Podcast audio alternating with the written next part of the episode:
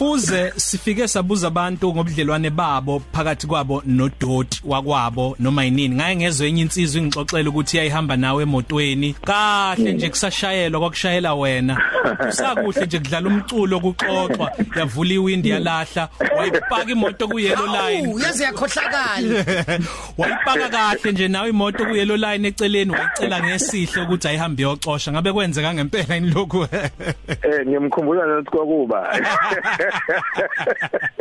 ubudlelwane kumele sibe nabo nodoti wethu em fuza ukusixoxele ukuthi kumele kube honje obunjani Eh ngithinta indaba enkulu kabi kabi bakwethu. Eh njoba nje la eThekwini kade sinama flats lapha sibonile umonakalo omkhulu owenzakalile.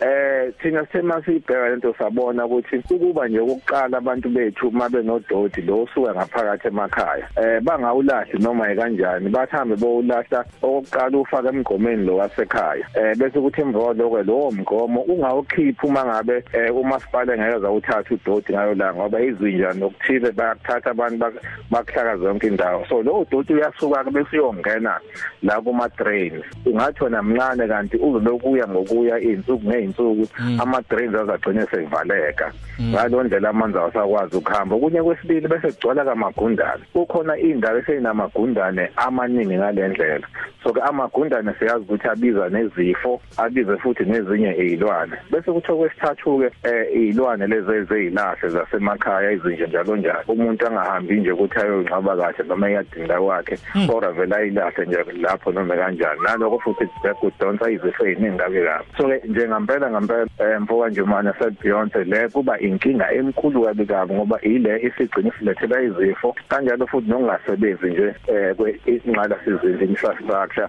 ye- ye- yedolobha lesifeni lakhela. Mm.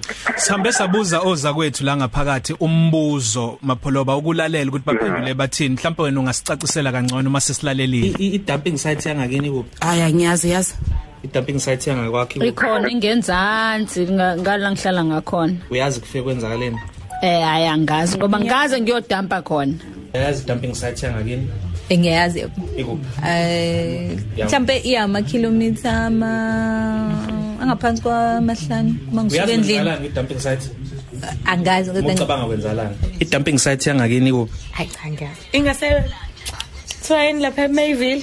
Nga- ngase King Albert Luthuli Hospital uyazi kwenziwani edampeni eh eh So sibonile ukuthi baningi abantu abangazi ukuthi kwenzekalani edampini mapholoba. So kwenzakalani kahle kahle kwi dumping site. Kwe- ku- Yini ngoba sekubuningi udodo ohlukahlukene ofakiwe kubona labo plastic. Kwenziwani kahle kahle kwi dumping site?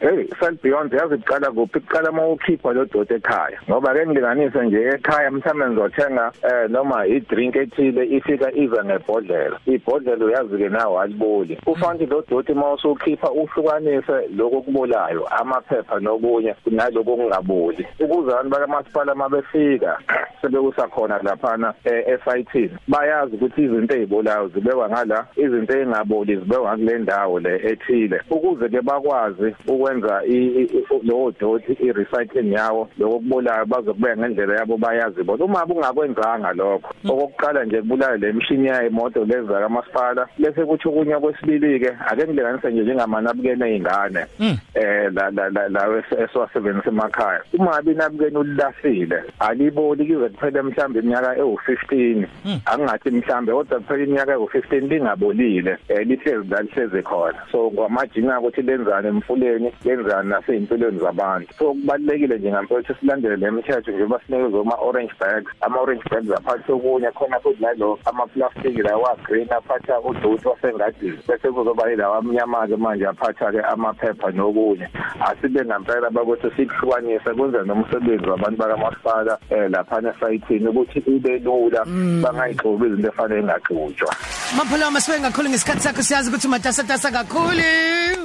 Beyonce Bye bye darling. Yebo. Ngicela nathi sikagoduka manje siyi talk to 3 cafe noma kanjani kusothi siyabuya hey hey. DJ Lesha say Vanessa Jackson Sleepless Nights Bye bye darling. Sonke Drive 3 to 6 to 3 noSiyano Selbionze ku Khosi FM